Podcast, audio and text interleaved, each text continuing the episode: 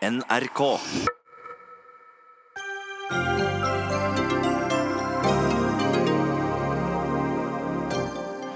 EU truer med å frata Polen stemmeretten, mener landet bryter EUs grunnleggende verdier når de tar politisk kontroll over domstolene. Opposisjonen vil presse gjennom at det nye regjeringskvartalet skal bygges i tre, selv om arkitektkonkurransen for lengst er vunnet. Donald Trumps skattereform, er den bare for de rikeste, eller for alle? Bør 667 milliarder i Nasjonal transportplan brukes til å bygge tradisjonelle veier, når vi i fremtiden kommer til kanskje å ha flyvende busser? Forsker stiller spørsmålet, statsråden svarer. Og siden det stunder mot jul, altså, når skal vi egentlig pynte juletreet? De lærde barker sammen i Dagsnytt 18.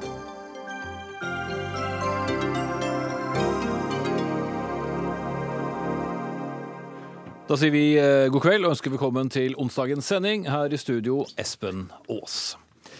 EU truer altså med å frata Polen stemmeretten i unionen etter at landet har vedtatt en svært omstridt domstolreform som gir politikerne økt kontroll. EU mener på sin side at dette strider mot grunnverdiene til unionen, og europakorrespondent eh, Guri Nordsjø med oss direkte. Hva er det Polen har gjort som gjør at det kan gå så langt at EU vil frata den stemmeretten? Ja, Den polske regjeringen har gjennomført flere justisreformer som EU-kommisjonen mener gir regjeringen makten over rettsvesenet, og dermed ødelegger det demokratiske systemet med balanse mellom statsmaktene. EU-kommisjonen frykter at den polske regjeringen nå får makt til å både fjerne sittende dommere og håndplukke nye dommere.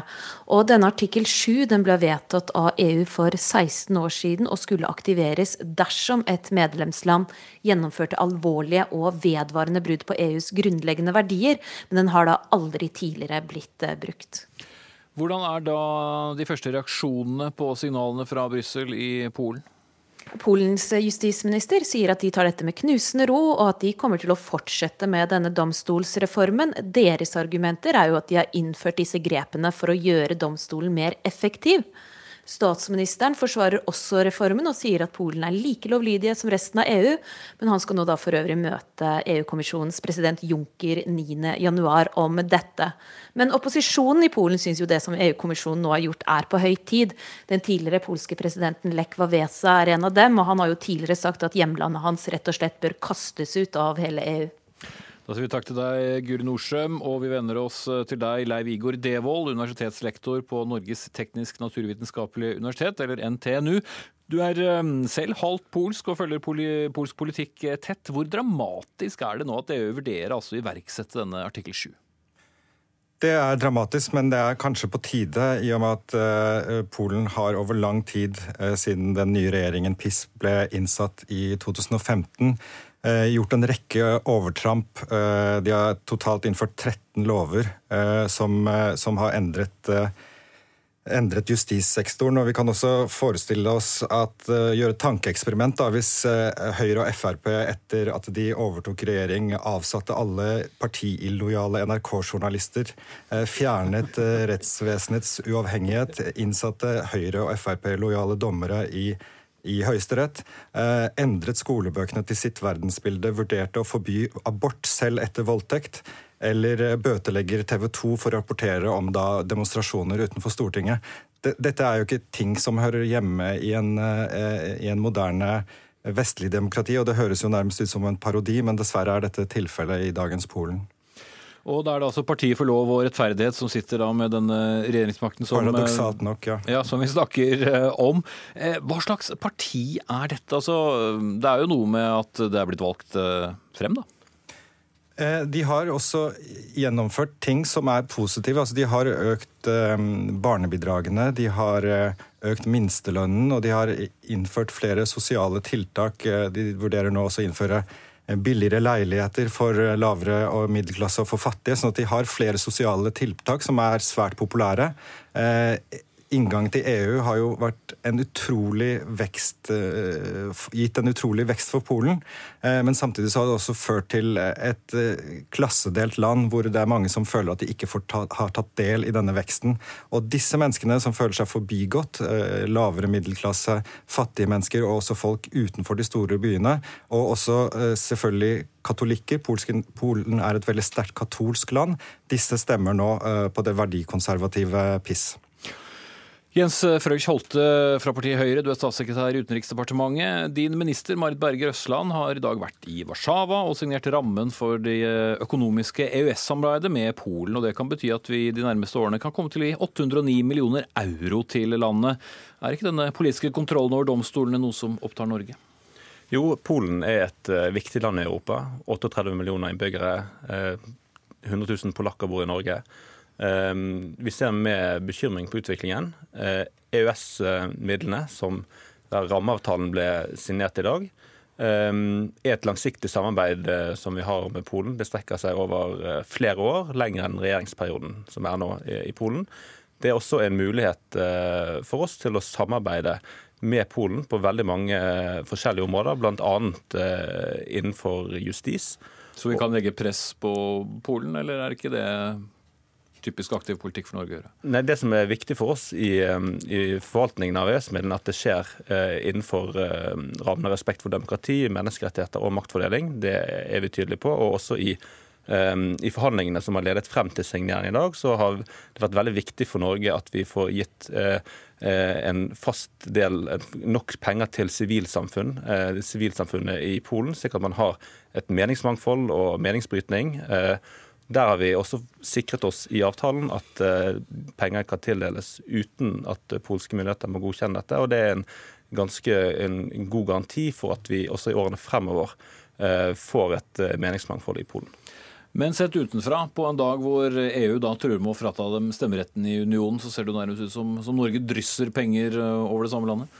Ja, Det er ikke riktig at vi drysser penger. Vi eh, er her i et langsiktig samarbeid om EØS-midlene, som gir oss en eh, veldig god mulighet til å ha dialog med Polen. Men det viktige her nå i saken med artikkel 7 og denne store nyheten i dag, er at Polen og EU har en dialog. Vi vet at Polen Eh, er et EU-medlem, de er en del av Europarådet, eh, de er også en del av Nato. Det gir de eh, forpliktelser når det gjelder menneskerettigheter og maktfordeling. og vi følger situasjonen veldig tett. Har også dialog med EU om, om dette spørsmålet. Og vi er opptatt av at de skal ha en dialog. Nå skal Polen møte EU på nyåret, som ble sagt tidligere. Det er veldig positivt, og vi følger situasjonen nøye.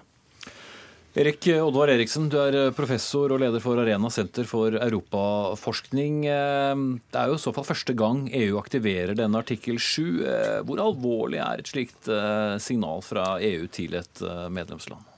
Jo, det er ganske alvorlig, fordi det, det, er jo en måte å, å, å, si, å, si, fra om å starte en prosess ved å frata de stemmerett i, i systemet. Så så det er alvorlig. Og, og, og eh, det er klart, nå trenger de visst bare sånn 22 eh, av 28 for å få flertall for, for, for den advarselen.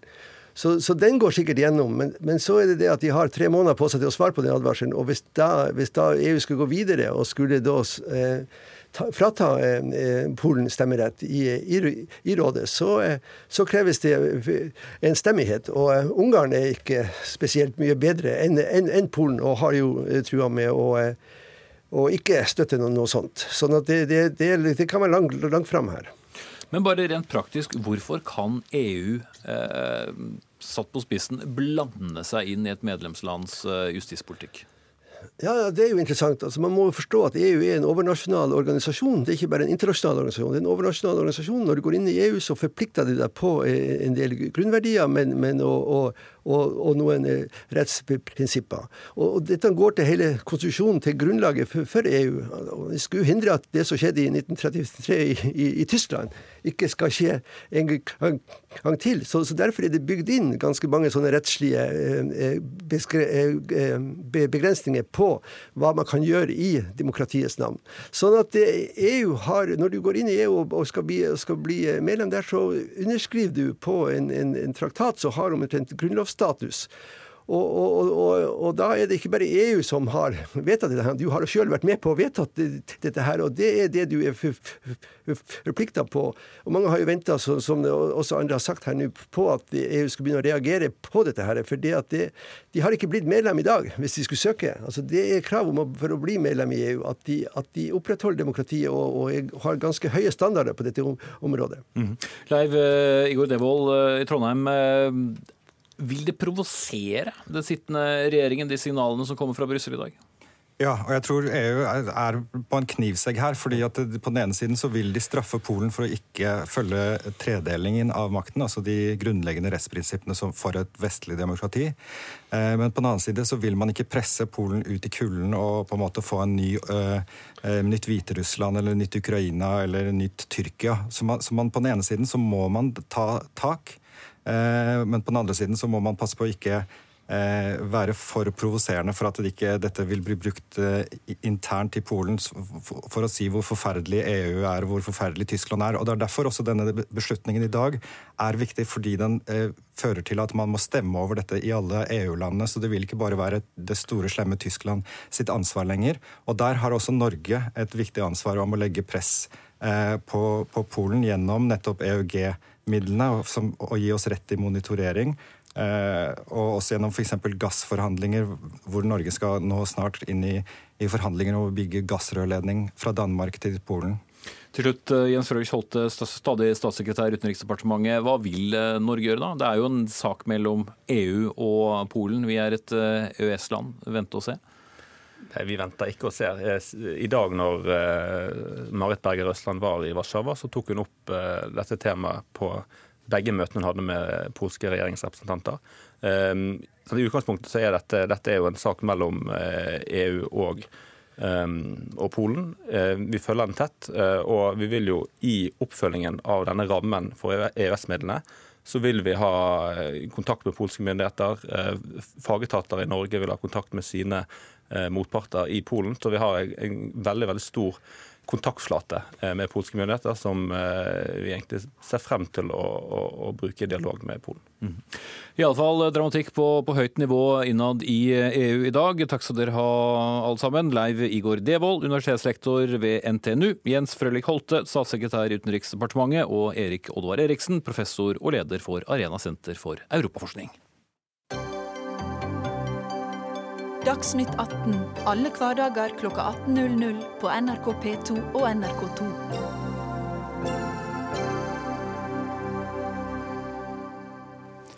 Et eh, flertall på Stortinget vil bygge regjeringskvartalet i tre. I et eh, felles forslag så fremmer Senterpartiet, Kristelig Folkeparti, Arbeiderpartiet og SV et forslag om at bygningene i det fremtidige regjeringskvartalet skal ha nettopp tre som basisprodukt, som det heter seg. Og leder i Senterpartiet, Trygve Slagsvold Vedum, med oss fra Elverum. Du er deler av denne skal vi si, treenigheten som VG har omtalt dere som. Et eh, regjeringskvartal i tre, hvordan skal det se ut? Ja, det vil være helt fantastisk. Altså, vi må bruke store offentlige investeringer til å bygge norsk industri, til å fremme norsk byggeskikk og til å bygge klimavennlig. Og alle vi som har vært på Gardermoen, eh, det har jo de, mange har vært, har jo sett når man har satt den type krav, hvordan løsninger man kan få med de fantastiske lintredragerne man, man, har der, hvor viktig tre er i den bygningsmassen. Eller når man før eh, OL i 94 sa at man skal bygge f.eks. Vikingskipet med tre, da var det ikke mulig. Man gjorde det, man bygde industri.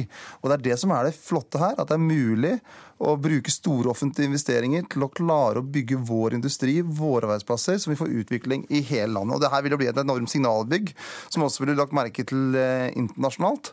Og det vil løfte oss som industrinasjon. Så her kan vi få både klima, vi kan få signalbygg og vi kan få mer industri. Så det her er et strålende prosjekt som jeg håper også Høyre vil bli med på. Men la meg bare da stille spørsmålet veldig kort. Det er jo allerede kåret en vinner av denne plan- og designkonkurransen. Skal da Stortinget instruere vinneren i materialvalg? Ja, men nå skal man jo gå videre i prosjekteringa av det her. Det skal til Stortinget i, i løpet av 2019. Og det som vi sier da i forslaget, er at tre skal være et eh, hovedelement. Altså det, du ser på Gardermoen nå, det er mye mer enn tre. Altså det er jo ulike materialer, men at tre har en helt framtredende plass.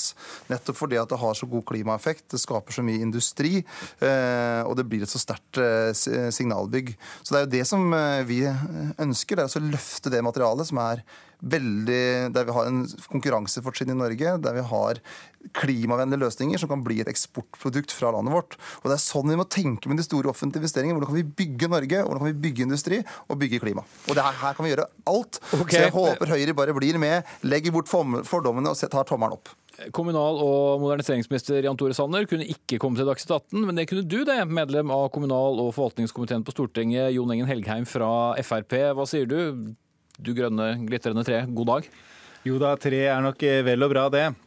Jeg mener vel først og fremst at den får være opp til arkitekter og fagpersoner å vurdere hvilket eh, materiale som er best egnet å bygge et regjeringskvartal av. Jeg registrerer jo at eh, Vedum nå har eh, har eh, blitt en sånn byggmester Bob som vet at dette kommer til å bli eh, fantastisk. Eh, men det er litt rart å komme nå etter at arkitektkonkurransen er ferdig, og instruere utbygger om å bruke tre. Her er det jo ikke gjort noen undersøkelser om prisen. Det er ikke gjort noen undersøkelser om det et bygg i tre, eller flere bygg i tre, kan dekke de strenge sikkerhetskravene som eh, det må være på regjeringskvartalet. Eh, så det virker jo som eh, noen har fått en litt fiks idé her, da, og bare kaster det ut. Og de nevner jo i VG at nå er det lenge siden vi har hatt lange, kalde vintre, så nå er det på tide å bygge regjeringskvartalet i tre. Og det er en måte å jobbe på politisk som jeg stusser litt over, da. Ja, Trygve Slagsvold Vedum, eller byggmester Bob, som du også ble, ble hetende her. Var det et og annet å svare på? Ja, men det er det som vi, vi, som politikere må jo ha noen visjoner. Vi må jo ville noe med Norge. Og når jeg sjøl var statsråd, så satte vi i gang et forskningsprosjekt på å bygge verdens lengste trebru. Det har vist seg nå å være mulig med samme kostnader, nesten samme kostnader som å bruke betong. Og nå når vi har sagt som et mål at vi skal bruke de offentlige innkjøpene, som er nesten på rundt 500 milliarder kroner hvert eneste år, til å bygge vår næring, så må vi se hvordan kan vi bruke regjeringskvartalet til å bygge industri og bygge arbeidsplasser. Og også ha noen visjoner for det. For vi vet at hvis vi da tar stålkonstruksjoner, så graver du opp den eh, massen i Kiruna, frakter det til Kina, kjører det tilbake til Norge. Bruker vi tre, så kan vi ta tre i skogen, ha industrien lokalt, bygge midt i Oslo sentrum. Og det er fantastisk store trekonstruksjoner som bygges eh, akkurat nå. I Brumunddal bygges det et høyt høyhus på over 80 eh, meter med 18-19 etasjer. Så det er jo kjempekonstruksjoner som nå bygges takket være teknologiutvikling. Og det er den utviklinga vi må også ta inn i regjeringskvartalet. Ok, eh, Underveis i sendingen så har vi jobbet med å få tak i deg, Gudmund Stokke, som er en av arkitektene bak eh, vinnerforslaget til regjeringskvartalet. Hva tror du om mulighetene for å bygge det i tre? Jo, vi skal jo bygge et uh, veldig flott bygningsanlegg i regjeringskvartalet. Som skal stå i veldig lang tid og være situasjonen verdig. I det arbeidet vi går inn i nå, så er det veldig naturlig for oss å se på bruken av tre. Eh, og det har vi til hensikt å gjøre. Såpass mye, mye som opposisjonen ønsker seg? Ja, Det vet jeg ikke hvor mye de ønsker. Det som vi må gjøre hele tiden er jo å avbalansere det mot alle de tekniske kravene. Vi skal skape et bygg som er vakkert. og det er klart at I deler av dette så kan treet være noe som beriker eh, anlegget. Eh, så det kan sikkert bli bra. Det, eh, det formannen i Senterpartiet sa om norsk eh, treindustri er jo interessant. Vi var jo også arkitekter for Gardermoen. Og det vi opplevde der, var jo at de som var konkurransedyktige og hadde teknologien, var tyske og nederlandske produsenter. Så jeg håper jo at den norske industrien da tar denne utfordringen hvis den skulle komme. Eh, Helgheim fra Fremskrittspartiet med oss i studio. Eh, disse fire partiene har vist seg nå, også tidligere, å utgjøre et eh, flertall på Stortinget. Hva tenker du om å kanskje skulle bli også delvis instruert i denne saken? Jeg tror det er fornuftig at de fire partiene ikke lar det gå sport i å prøve å stikke kjepper i hjula for en regjering fordi de syns det er gøy, og heller prøve å samarbeide noe mer om å få gode løsninger. Og som sagt, det kan helt sikkert bli en god løsning, og arkitektene sier også at det kan være mulig å bygge deler av dette i tre. Og jeg synes jo at det er arkitektene og de som har fått oppdraget nå, som skal kunne eh, gjennomføre dette eh, etter de kriteriene som ligger. Eh, og at det, det er ikke en politisk beslutning, men det kan være et fint innspill fra disse partiene å komme eh, med, og det tror jeg alle kommer til å uh, vurdere seriøst. Men å komme sånn som ordlyden av det jeg har sett så langt, er liksom at det hovedsakelig skal bygges av tre, og at uh, det er eneste drivkraften nesten er eh, klima. Og jeg tror ikke man klarer å gjøre de store endringene på klima ved å bygge et kvartal i Oslo i treverk. Eh, så her tror jeg man må ha litt is i magen og avvente til vi får noe bedre svar. Mm. Så, og så ikke være så bastante i det de eh, foreslår her. Gudmund Stokke, vi skal innom deg igjen som arkitekt. Er det mulig å bygge et helt regjeringskvartal i tre? Det kan jeg ikke svare på her nå. Jeg ville bli veldig overrasket hvis det var mulig. Eh, men eh, det må man jo finne ut av. Trygve Slagsvold eh, Vedum, hva på en måte vil være et minstekrav? Nei, I forslaget vårt så sier vi at det skal være hovedelementer. Eh, nettopp for at vi skal løfte norsk byggeskikk og norsk tradisjon. Og Det første prosjektet på Gardermoen som var på starten av 90-tallet, så satt Stortinget det som et krav at det skulle fremme norsk byggeskikk. Og Det er jo den tenkninga som man gjorde da på starten av 90-tallet, som vi ønsker å ha inn her. At man skal bruke den store type offentlige investeringer til å bygge industri i Norge. Og Helgheim sjøl er jo fra Drammen, som har blitt bygd opp nettopp av treindustri og den enorme ressursen som ligger etter Drammenselva. Og det er jo sånn instruere Stokke og de andre arkitektfirmaene som er eh, involvert her? Hvordan ser du for seg at dette praktisk skal være, eller skal du instruere regjeringen, som igjen skal instruere arkitektene? Ja, nå skal vi fatte et vedtak. Nå er det jo et flertall i Stortinget som sier, sier at uh, tre skal være et uh, helt grunnleggende element i det nye regjeringskvartalet. Og så skal vi løfte oss og løfte hverandre nettopp for å både utvikle norsk arkitektur, norsk design og norsk industri. Og vi må bli mye mer bevisste på framover i Stortinget på hvordan vi skal bruke offentlige investeringer til å bygge industri i Norge. Og det er veldig forunderlig at Frp ikke bryr seg om det. Jo, vi bryr For det er det som er hovedtenkningen her. Men, å bygge men, landet vårt. Men det er ikke vanlig å gå inn og politisk bestemme når man har kommet langt ut i en uh, prosess, uh, hvilket materiale man skal bygge av.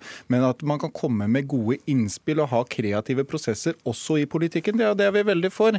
Men uh, det er ikke det jeg føler dere gjør nå. Dere går plutselig ut, basert på litt sånn impulslignende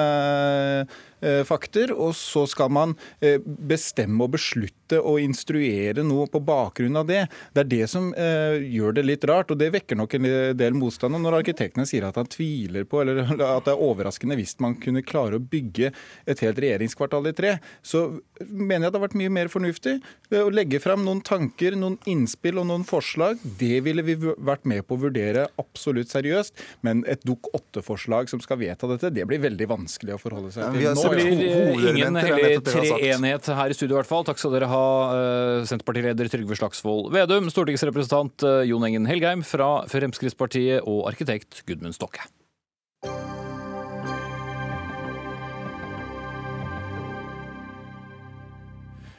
Regjeringen har satt av 667 milliarder til veier i sin nasjonale transportplan for 2018 til 2029. Men allerede neste år begynner Airbus å teste nye flyvende busser, og General Motors slipper sin første selvkjørende bil innen to år.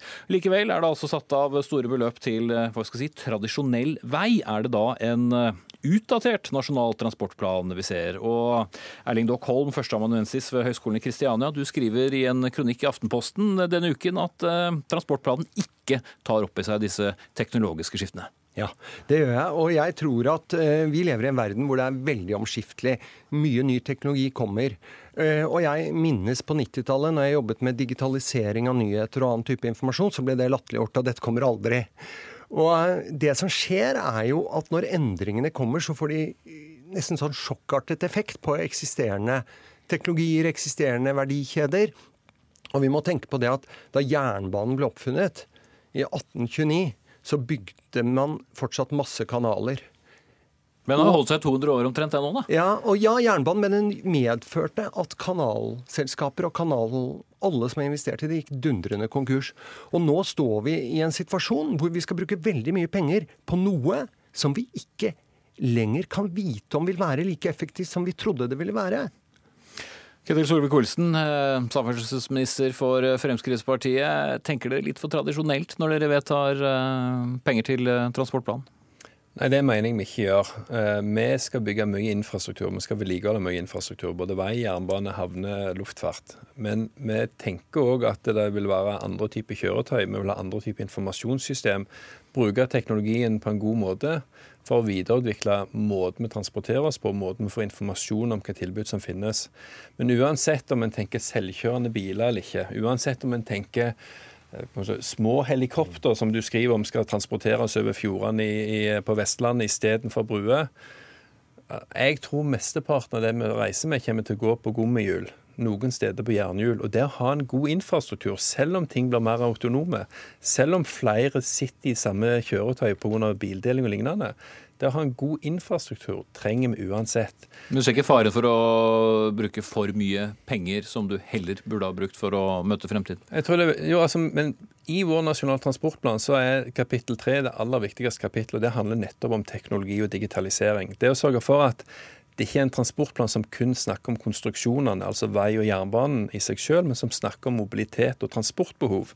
Det er det vi har lagt veldig vekt på. Så jeg skulle gjerne ønske at du hadde invitert meg til høgskolen din, så skulle jeg gjerne brukt en time eller to ja. til å snakke om hvordan vi tenker på dette. For da vil du sett at mye av det du skrev i eh, kronikken din, faktisk eh, har vært gjennomtenkt fra vår side, og at vi tenker langt framover på hva vi skal ha.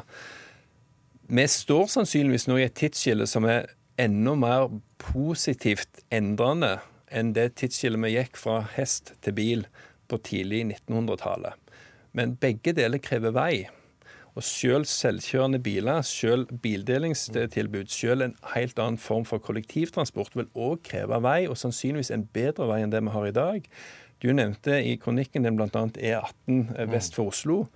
Veldig mye av det prosjektet handler jo om å legge til rette for buss handler om å legge til rette for gang og sykkel, og handler om å fjerne trafikken fra tettstedene og byene langs E18 der folk bor og jobber, for å legge den mer i tunnel, legge den vekk fra det. Og uavhengig av hvilken driftsform vi har på bilene våre, så vil det være en fordel om vi klarer å få de vekk fra akkurat der vi skal oppholde oss. Mm. Og Det er jo det mye av E18-prosjektet handler om. Så Selv om bilene blir selvkjørende, så blir de sannsynligvis de vil fortsatt ta opp plass. Og du skal komme inn i en Dockholm. Vi skal ta med Karin Yrvin, som er fagsjef i Opplysningsrådet for veitrafikken. Og du har svart på Dokholms kronikk eh, og sier at fremtidsvisjonen ikke helt stemmer overens med utviklingstrekkene som, eh, som, dere ser. Og du illustrerte det hele med en bil fra 50-tallet og antydet vel at uh, ting endret seg sakte? Ja, det endrer seg sakte. Og det vi ser utviklingen er, er at flere og flere kjøper biler. Det er aldri solgt så mye biler i år som tidligere år. Vi ser også at innen 2050 så kommer godstransporten på vei til å øke med 90 Det er ut altså høye tall. Og vi ser også at selv om du får automatiserte kjøretøy, så vil det være blanda trafikk i veldig mange år framover. For folk vil jo ikke kaste de bilene de har, de vil jo bruke det den tiden det tar før de blir slitt ut. Så veien kommer til å være eh, livsnerven i transportsystemet vårt i mange år framover. Og da kutte kutte midlene til satsing på vei, det syns vi er feil. Eh, og så vet jo ikke Dockholm om han har riktig framtidsvisjon. Ja, det, det, det, vet han ikke. Og Norsk Data satsa jo i sin tid på stormaskiner. I dag har vi en stormaskin hver i lomma gjennom mobilen. Så vi vil jo gjerne se an utviklingen litt, samtidig som vi er veldig framtidsoptimister og ser at dette med selvkjørende kjøretøy, ja. bildeling og, og, og samkjøring kommer. Men jeg vil også se an utviklingen. Vi snakker om fremtiden, og det er ikke sikkert at jeg har rett. Men det er heller ikke sikkert at jeg tar feil. Og en god ting å gjøre det er å bremse investeringene når man er usikre på avkastningen. Dette er helt sånn standard pensum. Det er sånn man lærer studenter som skal ut i næringsliv. Og jeg tenker, hvis vi leser Produktivitetskommisjonens rapport, som denne regjeringen nedsatte, som er en veldig god rapport, et av de beste offentlige dokumentene produsert i Norge, hva sier den er akilleshælen for norsk næringsliv, for norsk innovasjonsevne? Er det transportsystemet? Nei, det er forskning- og utviklingssystemet. Og hvorfor er vi ikke, når vi er i en sånn situasjon nå, kunne vi konsentrert oss veldig mye om dette. Og nå snakker vi om selvkjørende biler. I går var jeg sammen med mennesker som snakket om autonome, selvkjørende ferger som kommer for fullt. Altså Om tre år så kommer vi til å snakke mye om selvkjørende lufttransport. Denne utviklingen er radikal. Og når den er radikal, så bør vi tråkke på bremsen og se litt hva som blir riktig. Men Du snakker om dette som det bare var utgifter. Det er det ikke. Det er investeringer. For hver krone du spytter inn, får du pengene tilbake igjen. Sånn at du gir penger til eh, inntektservervelse. Det er en satsing på framtida. Gjør du det ikke, får, dårlig, får man dårligere konkurranseevne i dette landet. Så det du sier er stopp opp med samferdselsutbygging. Det, det, er samfunnsøkonomisk lønnsomhetsanalysen jeg prater om. Og de har du jo i både ja, fagkretsen din og i NTP. Hva, står de, hva er den samfunnsøkonomiske lønnsomheten beregnet av Nasjonal transportplan? Den samfunnsøkonomiske lønnsomheten av Nasjonal transportplan kan jeg ikke si Nei, prosenttallet på det. Det er 197 milliarder kroner. Det er 1064 milliarder kroner som er eh, regna på i Nasjonal transportplan. Noen av prosjektene er Der tror jeg kan eh, forsikre om at lytterne falt av med alle ja. talene. Eh, samferdselsminister Ketil Solvik-Olsen. Eh, Lite har jo skjedd eh, på mange tiår når det gjelder nettopp transport, men mye har skjedd nå på uh, kort tid. Skulle du ønske at Stockholm hadde rett, og at vi ikke trengte å nedasfaltere så mye som vi skal gjøre ut fra NTP? Det hadde vært fantastisk hvis vi hadde vært der at alle personer hadde nærmest sin egen flygende maskin som gjorde at du kunne fly akkurat der du ville, når du ville. Men jeg tror ikke noe på det. Ikke på mange tiår ennå. Fordi at Visjonen som han tegner, at kanskje vil vi i framtiden ha små helikopter som alle kan fly der de vil. Vel, Du kan bare tenke deg hva slags støyproblematikk du vil få. Du kan tenke deg hvor skal disse lande. Hvis vi syns det er mye kø med å ha 90 000 biler inn ut av Oslo i dag, hva hvis disse er flygende og skal ha sin egen plass der du skal komme ned på? Mye av dette, når det gjelder samfunnsøkonomisk lønnsomhet ja, i, i, teorien så er altså Operatunnelen under Oslo ikke samfunnsøkonomisk lønnsom. Jeg tror ingen vil tilbake igjen i dag til å få trafikken opp langs Oslo S.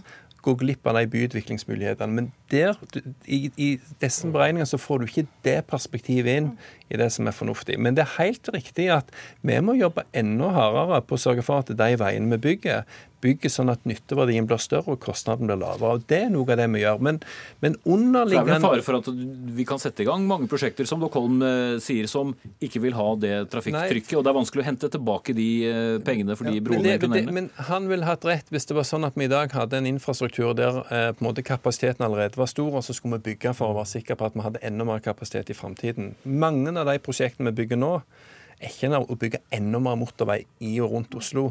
Det handler om å knytte sammen Oslo, Kristiansand, Kristiansand, Stavanger, Bergen, eh, Oslo, Trondheim veistrekninger som uavhengig av hva slags eh, gummibaserte kjøretøy du har i framtiden, vil kreve en bedre vei som gjør at det er mindre svinger. Jeg tror ikke at folk vil synes at det er veldig behagelig å kjøre på vestlandsveier med svinger og bakker alt mulig opp og ned i 40-50 km i timen, selv om bilen er autonom. Men ingen vil jo ønske selvfølgelig, og alle vil ha best mulig veier. Men et, samfunn har, tilstrekkelig gode veier. Ja, et samfunn har begrensede midler. Ja. Vi står i en ekstrem transformasjon. Oljeprisen går i lavere. Vi har ikke de inntektene vi hadde. Vi er på vei til å miste mye av det inntektsgrunnlaget som gjorde at vi kunne ekspandere veldig mye. Nå må vi bruke pengene bedre. Vi må husholdere, vi må være stramme, vi må være mye mer puritanske. Og da må vi ta hvilke sektorer i samfunnet er det viktigst å putte pengene i. Dere representerer jo veisektoren. Jeg representerer Nei. ingen sektorer. Jeg representerer på en måte bare et generelt samfunnskunnskapsnivå. Og det vi er opptatt av, det er optimal ressursbruk. Men, men det, er jo vi òg. Ja, det er det nesten ikke Jo, for ærlig talt. altså jeg er sosialøkonom. Jeg vet utmerket godt hvor viktig det er at vi jobber med dette. En tredjedel av NTP-en vår er faktisk jernbaneinvesteringer. Ja. Men forutsetningen din er at vi, vi i framtiden ikke vil trenge veier. Nei. Jeg tror bare at vi lett kan overdimensjonere veiene, og vi kutter ned transporttiden mellom steder hvor det ikke bor spesielt mange mennesker, og betaler enormt mye. Men, men, du skal bruke 40 milliarder kroner nesten for å knytte Ålesund og Molde litt raskere sammen. Men du tar ikke hensyn til veksten som kommer i Norge. Næringstransporten kommer til å vokse med 90 ja. fram mot 2050. Og personbilene selges mer og mer. Det blir jo mer flere... du legger til rette for bredere veier og mer godstransport, så vil vel også ethvert regnestykke si at da vil det være det, det mest nyttige. Ikke, det blir ikke færre mennesker i Norge om man eh, ikke satser på veier. Men du snakker jo denne framtiden som den er sikker. Jeg sier at framtiden er usikker, og derfor bør vi bremse litt nå og se Nei. hvordan det går. Nei. Du kan ikke vite at det blir 90 økning. Tony Seba har skrevet en ganske interessant bok. Fantastisk bok. Ja. Den har inspirert oss. Jeg bruker faktisk flere av hans føyler i mine presentasjoner. Det er derfor du burde invitert oss, sånn at vi hadde snakket basert på det vi faktisk har i NTP. Fordi at det høres faktisk ut som dere burde gjøre det, for dere ja, er delvis eh, enige altså, om, om fremtiden. Utgangspunktet mitt er at teknologi kommer til å endre verden. Samtidig selv om teknologi vil endre både hvordan kjøretøyene ser ut, og hvordan vi bestiller de og eier de, og, og, og, dette, så er jeg fortsatt overbevist om at du må ha en eller annen form for veiinfrastruktur og en del steder en form for jernbaneinfrastruktur som disse kjøretøyene skal bevege seg opp på.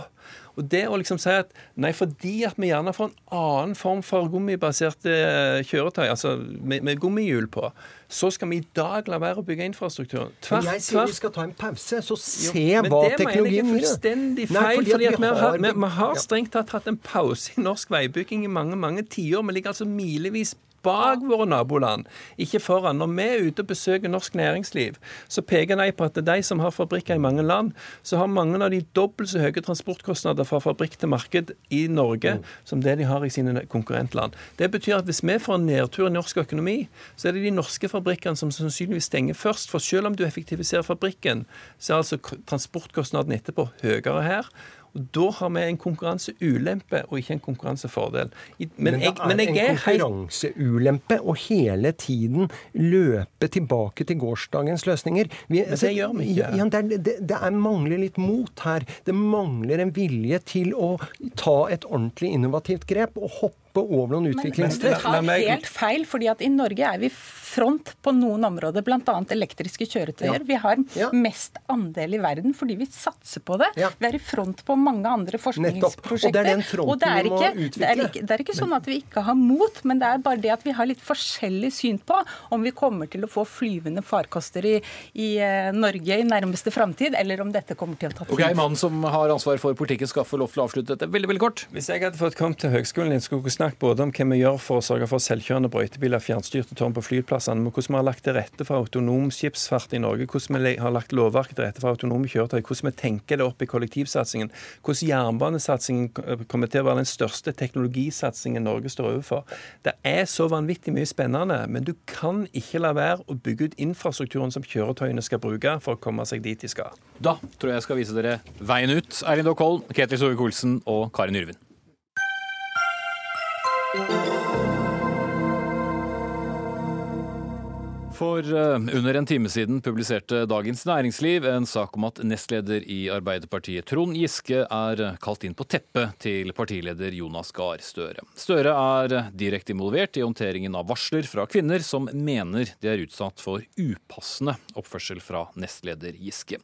Støre har tidligere avvist at Giske har oppført seg upassende, senest på Politisk kvarter her i NRK fredag i forrige uke. Lars Nehru Sand, vår politiske kommentator, hva vet du om hva som skjer i Arbeiderpartiet akkurat nå?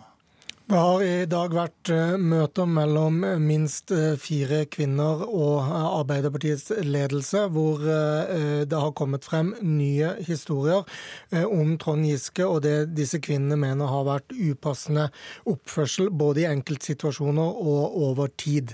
Og det gjør at vurderingen i Arbeiderpartiets toppledelse er at disse sakene øker både i omfang og alvorlighetsgrad. Eh, selv om det ikke er eh, sånn at man på det nåværende tidspunkt har, eh, har fått inn konkrete historier som nødvendigvis tilsier at det har skjedd noe kriminelt, eller noe av en isolert sett mer alvorlig grad enn det som til nå har kjent. Og det er også sånn at man ikke fyllestgjørende, så vidt jeg forstår, har hørt Trond Giskes versjon av saken, men at det er i partilederens interesse å, å få en, eh, få til en samtale eh, med Trond Giske eh, før julaften og prøve å danne seg et helhetlig inntrykk av sakens omfang. Og det er også brakt på det rene at Støre selv opplever denne situasjonen mer dramatisk enn han gjorde da han var i Politisk kvarter før helgen, og også derfor ser på det med nye og kanskje mer alvorlige øyne enn han gjorde da. Så det er eh, definitivt en dreining i denne saken, som jo har vaket, eh, skal vi si litt forsiktig, i nyhetsbildet en stund. Det er riktig, og snakke med sentrale aktører i partiet både i går og i dag. Og jeg opplever at det er en annen stemning eh, rundt håndteringen av denne saken i dag enn det var for 24 timer siden. Kan vi si noe om alvorlighetsgraden? Det er jo mange anonyme kilder. Det er noen episoder som, som har blitt beskrevet uh, så langt, men det er kanskje vanskelig for folk å, å forstå hva vi egentlig snakker om? Ja, Noe har vært eh, snakk om, eh, om SMS, og det har vært snakk om eh, festing, og det har vært snakk om ting som har skjedd både i privat henseende og, og, ikke nødvendigvis i, i partiets regi. Og Derfor er det også vanskelig å danne seg et helhetlig bilde av, av det, når man ikke kjenner historiene eller har fått, fått også Giskes versjon. Giske har avvist en eh, påstand om upassende oppførsel tidligere, og Støre har tidligere avvist at Giske har oppført seg upassende. Eh, hva sier de nå? Poenget her er jo at det å, å, motbevise noe som andre definerer som passende eller upassende, er eh, en krevende øvelse.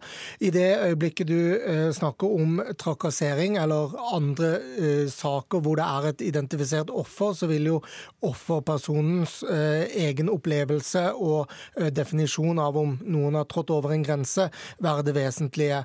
Eh, jeg forstår det sånn at disse fire som har varslet eller minst fire som har eh, sagt fra i dag, eh, er å se på kanskje i, i, denne kategorien. Men noen av de andre historiene som også har vært omtalt i media, har vært saker hvor andre har eh, varslet om ting de mener at en statsråd eller en, en person av eller en toppolitiker da, ikke bør gjøre. Og det kan jo andre enn hoved, eller de, de, to impliserte selv gjøres opp en oppfatning av. Hvordan en statsråd eller hvordan en toppolitiker politikere bør eh, oppfatte seg. og Det kan man ha ganske ulike grenser. og Det er, noe, det er jo også saker som har vært omtalt i media, hvor, eh, hvor eh, det som da ikke er et offer selv, understreker nettopp dette. At man ikke opplever selv at man, man, er et offer i saken. Men i sånne saker så vil andre kunne si at Giske har trådt over noen grenser som handler om hvorvidt man skal ha tillit til Giske eller ikke.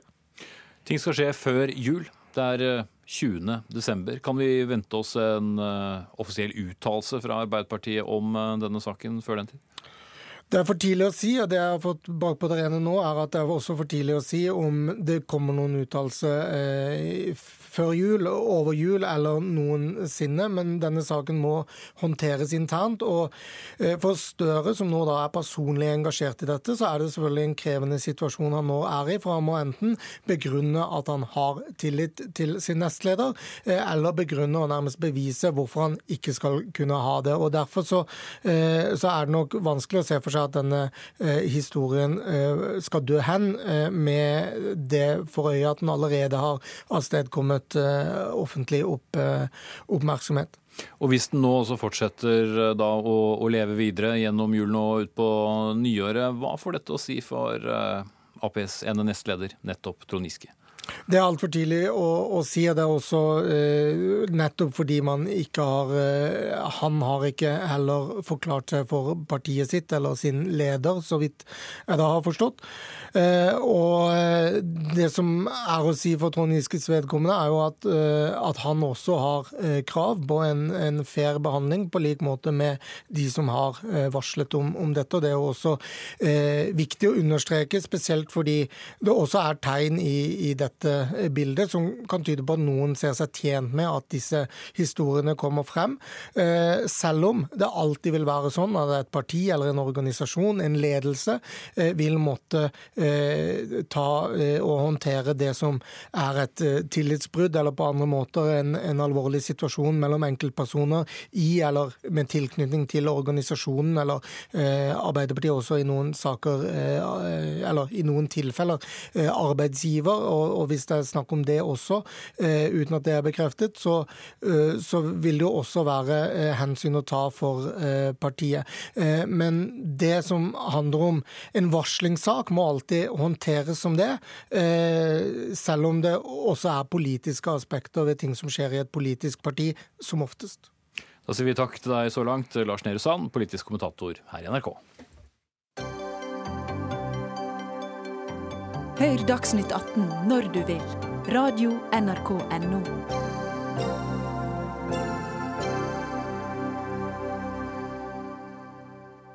Senatet i eh, USA godkjente i natt landets nye skattereform, og nå gjenstår bare formalia før Donald Trump kan feire sin første virkelig store politiske seier som president. Reformen har vært en kampsak for presidenten og republikanerne, Men protestene har vært, og er tidvis sterke. Kritikerne mener det er en reform som bare vil gagne de rikeste.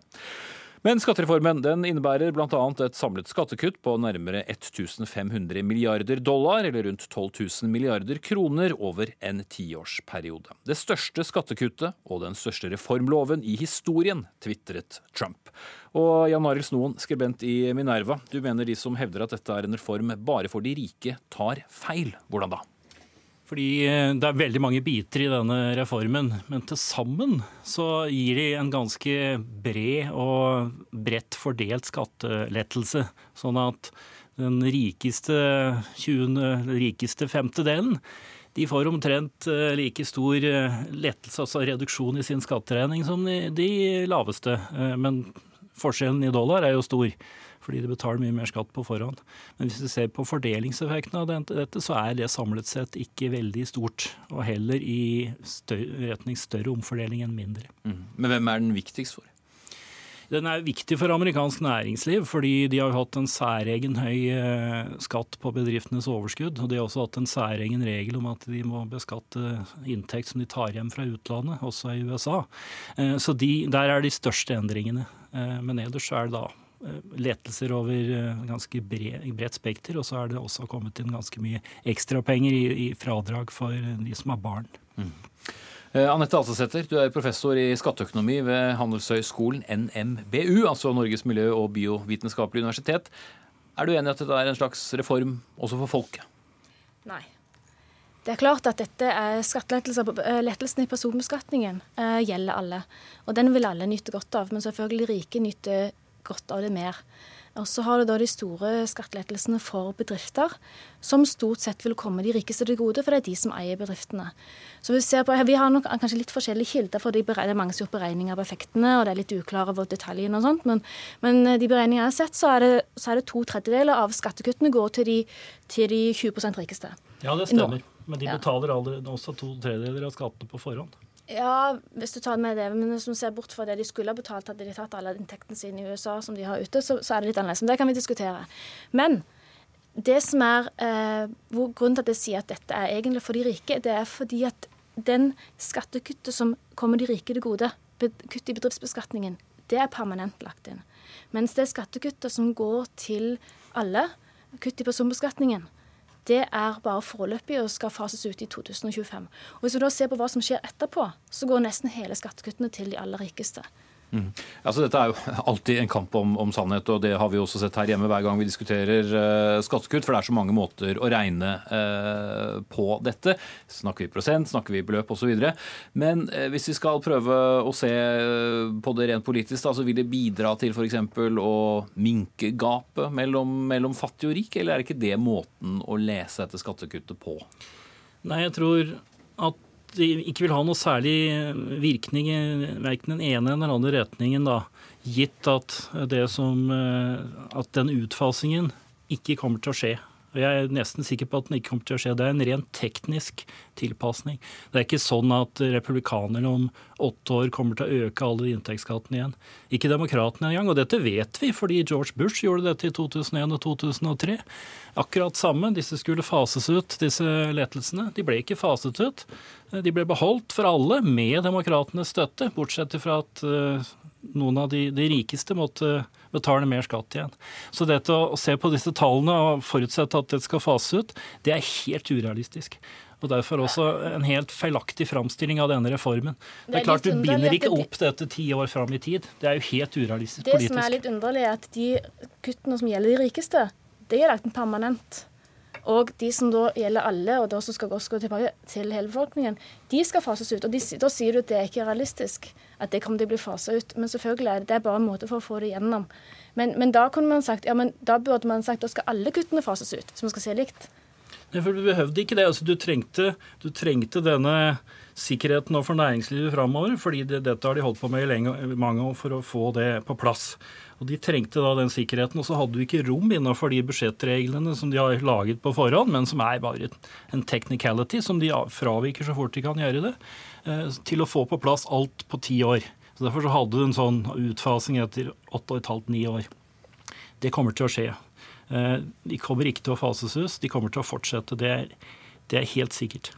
Men hvis vi forsøker å se litt videre fra denne utfasingen og prøve å se på effektene av det. Altså Dette er jo et ledd i uh, Trumps uh, måte å make America great again, for å bruke den uh, floskelen. Vil det ha en positiv effekt? Altså Det handler jo også om å gi amerikansk næringsliv bedre kår, som han har vært opptatt av. Og det igjen kan vel gi en positiv effekt både på amerikansk næringsliv og igjen kanskje også nye jobber osv.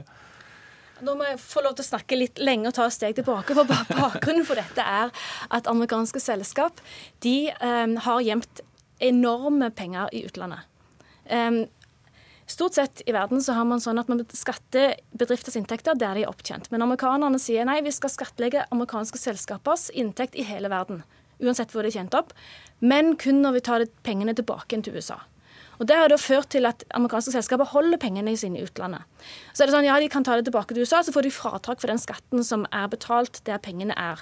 Men stort sett så er pengene i skatteparadiser, og da får de ikke noen fratrekk. Så det å ta pengene tilbake til USA eh, medfører da en ganske stor skattebyrde, for USA har en høy bedriftsbeskatning. Og Det betyr da også at store, rike selskaper som Google og Facebook Facebook har um, ehm, 250 milliarder dollar i utlandet. Eh, to, ja, to, to, dollar amerikanske Prøver ikke å ha for mange tall, for det blir vanskelig å følge med på. de har sånn, men likevel så tar de opp så Google og Microsoft de tar opp penger, eh, tar opp lån for å betale utbytte til sine aksjonærer i USA. For de tar ikke pengene hjem. Så har det sånn vært Med ujevne mellomrom så har det vært sånn, skatte, sånn skatteamnesti. Så sier amerikanske myndigheter ja, men vi vil gjerne ha de pengene her.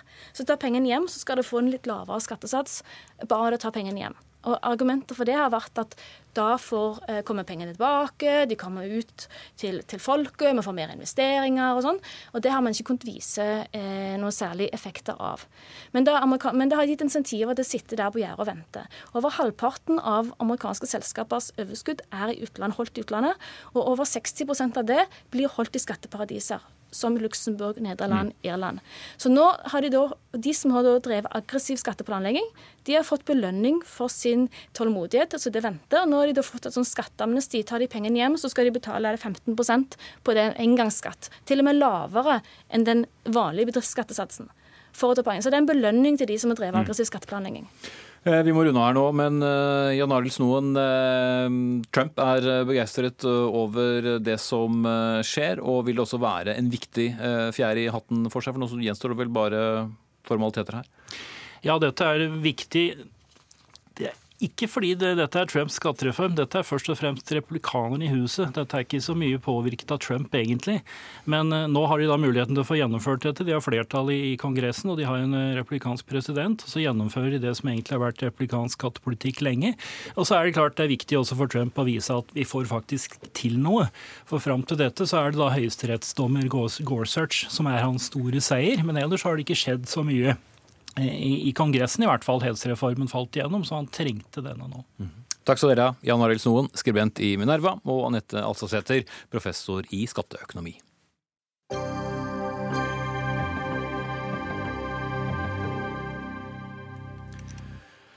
Da skal det bli litt uh, høytidsstemt her i Dagsnytt 18. Du er uh, kanskje en av dem som allerede har pyntet juletreet og har kost deg med alle dekorasjonene det medfører i ukevis, og du er ikke alene. For det viser seg at mange velger å forlenge julen ved å starte pyntingen tidlig.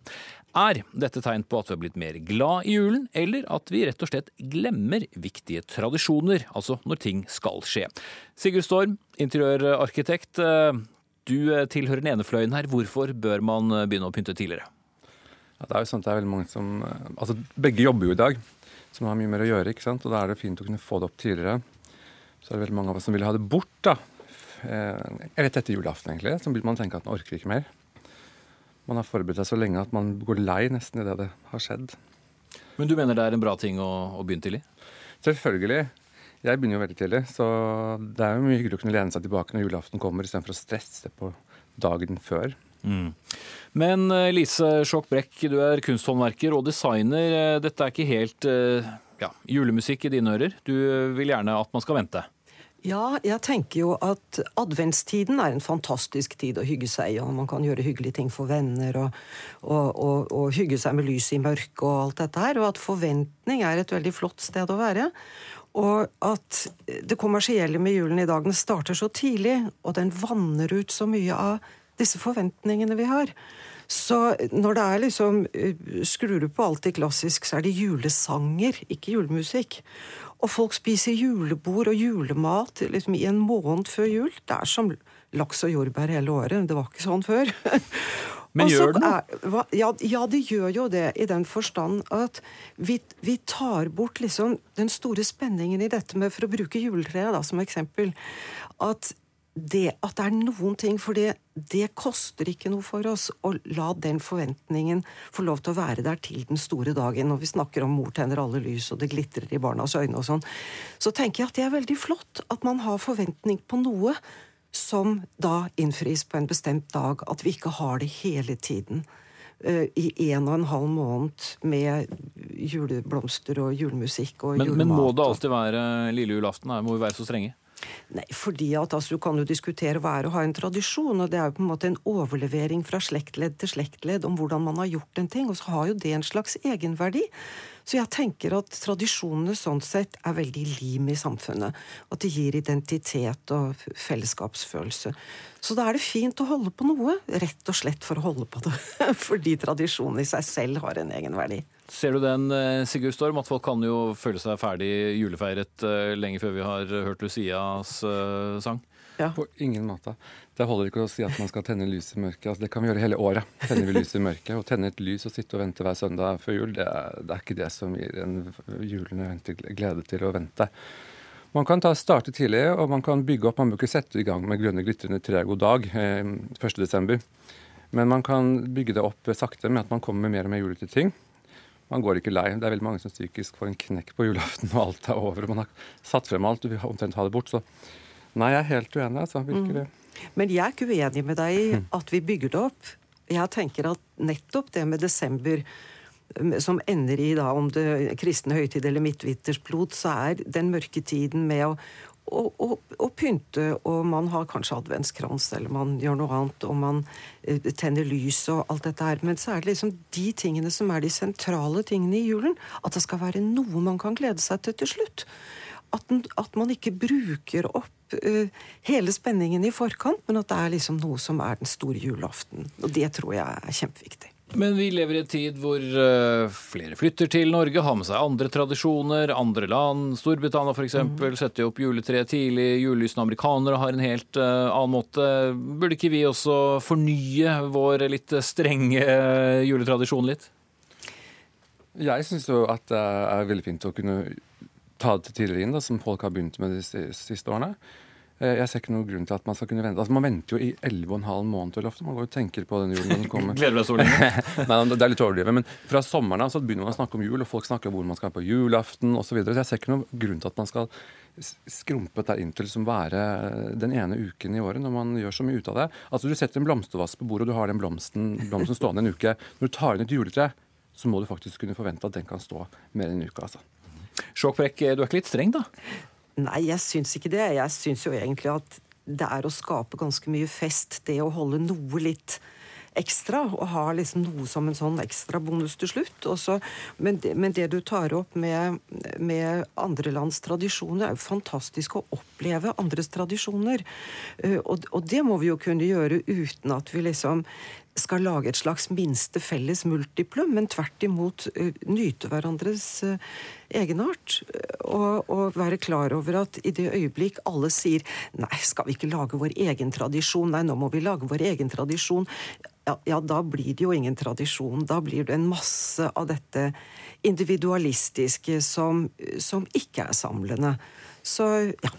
Men hadde det ikke vært fint da når altså Nå er jo folk i, i full sving og nyter nattåpne butikker nærmest for å få alt ferdig.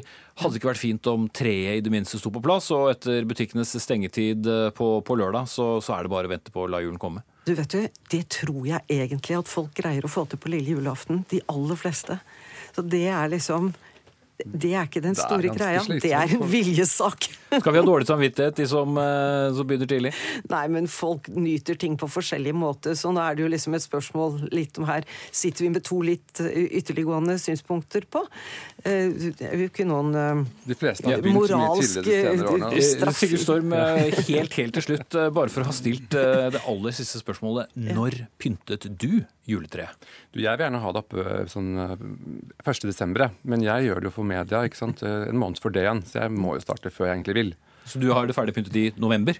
Jeg har det ferdig pyntet i november. Det kan man se på dagbladet.no. Ja, ja, jeg vet ikke hva slags eh, straff som eh, bør forvente Sigurd Storm her, Lise Sjokk Blekk. Vi setter i alle fall strek for eh, kveldens eh, Dagsnytt 18. Ansvarlig for den sendingen Anne Katrine Førli. Teknisk ansvarlig Lisbeth Sellereite. Og her i studio Espen Aas.